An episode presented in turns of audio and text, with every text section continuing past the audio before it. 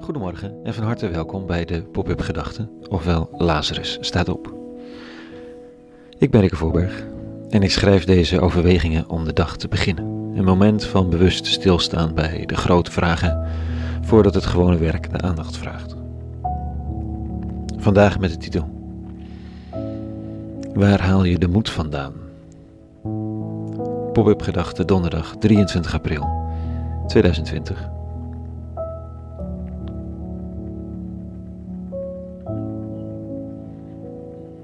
Het is een ingewikkeld concept, moed.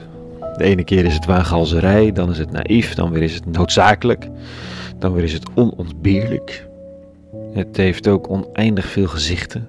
De moed om op te biechten, de moed om je te verzetten, de moed om je niet te verzetten, de moed om iemand achterna te springen en te redden, de moed die tranen op de wangen heeft staan, de moed met knikkende knieën, de moed met getrokken wapen. Het is veel en het is divers. En het is onmisbaar.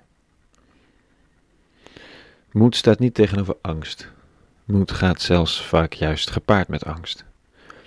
Moed staat tegenover gebrek aan moed. Niet durven, of, of misschien zelfs laf zijn. En dat is het laatste wat we willen. Het is niet iets wat je op je grafsteen of op je cv wilt hebben staan. Hij of zij was laf. Toch kennen we dat allemaal. Dat we niet durfden, terwijl het wel goed was geweest. Dat het ons aan de moed ontbrak. Het oude christendom voorziet in moed. Tenminste, het doet het een man dan wel vrouwmoedige poging toe. het is niet de brallerige moed van de overwinnaar. Het bestaan daarvan wordt wel erkend, maar niet per se gevierd. Het is niet de moed van Goliath, maar die van David. Die laatste is natuurlijk hevig geromantiseerd, maar dat kon hij natuurlijk alleen worden doordat we christendom tot een waardepatroon hebben verheven. In andere verhalen zou een kampvechter Goliath geconfronteerd worden met toch een nog sterkere kampvechter die hem na een zwaar gevecht uiteindelijk aan zijn zwaard rijgt en zo de overwinning opeist, sterker dan de sterkste. In het verhaal van David gaat het schrikbarend eenvoudig. Een jongen met een steen, zonder poeha, een omhaal van woorden, een goed gemikt keitje.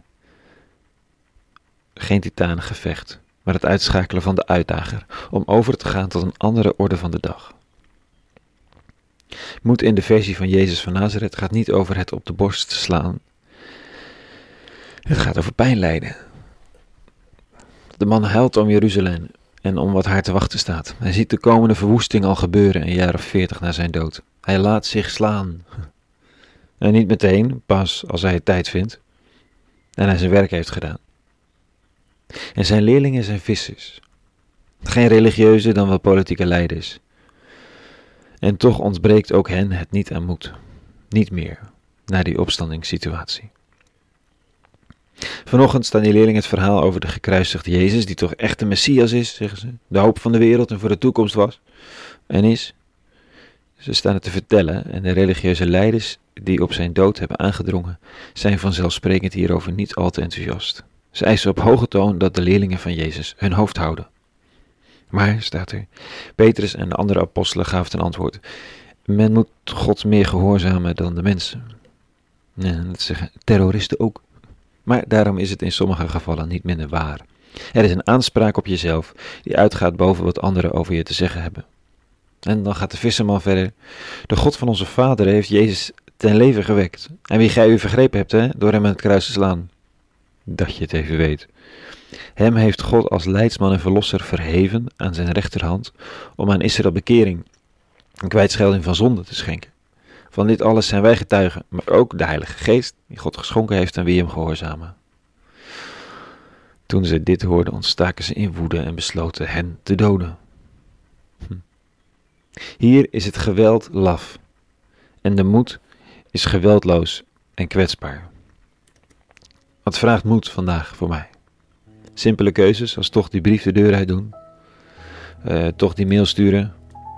Toch geloven dat er hoop is voor, voor mij of voor die vriend, vriendin. Toch geloven dat het goede overwint, wat men ook roept. De moed heeft vele gezichten. Behalve dan die van het geweld, het cynisme en de onderdrukking. Die gezichten heeft ze niet. Een hele moedige, open, liefdevolle dag gewenst. En vrede en alle goeds.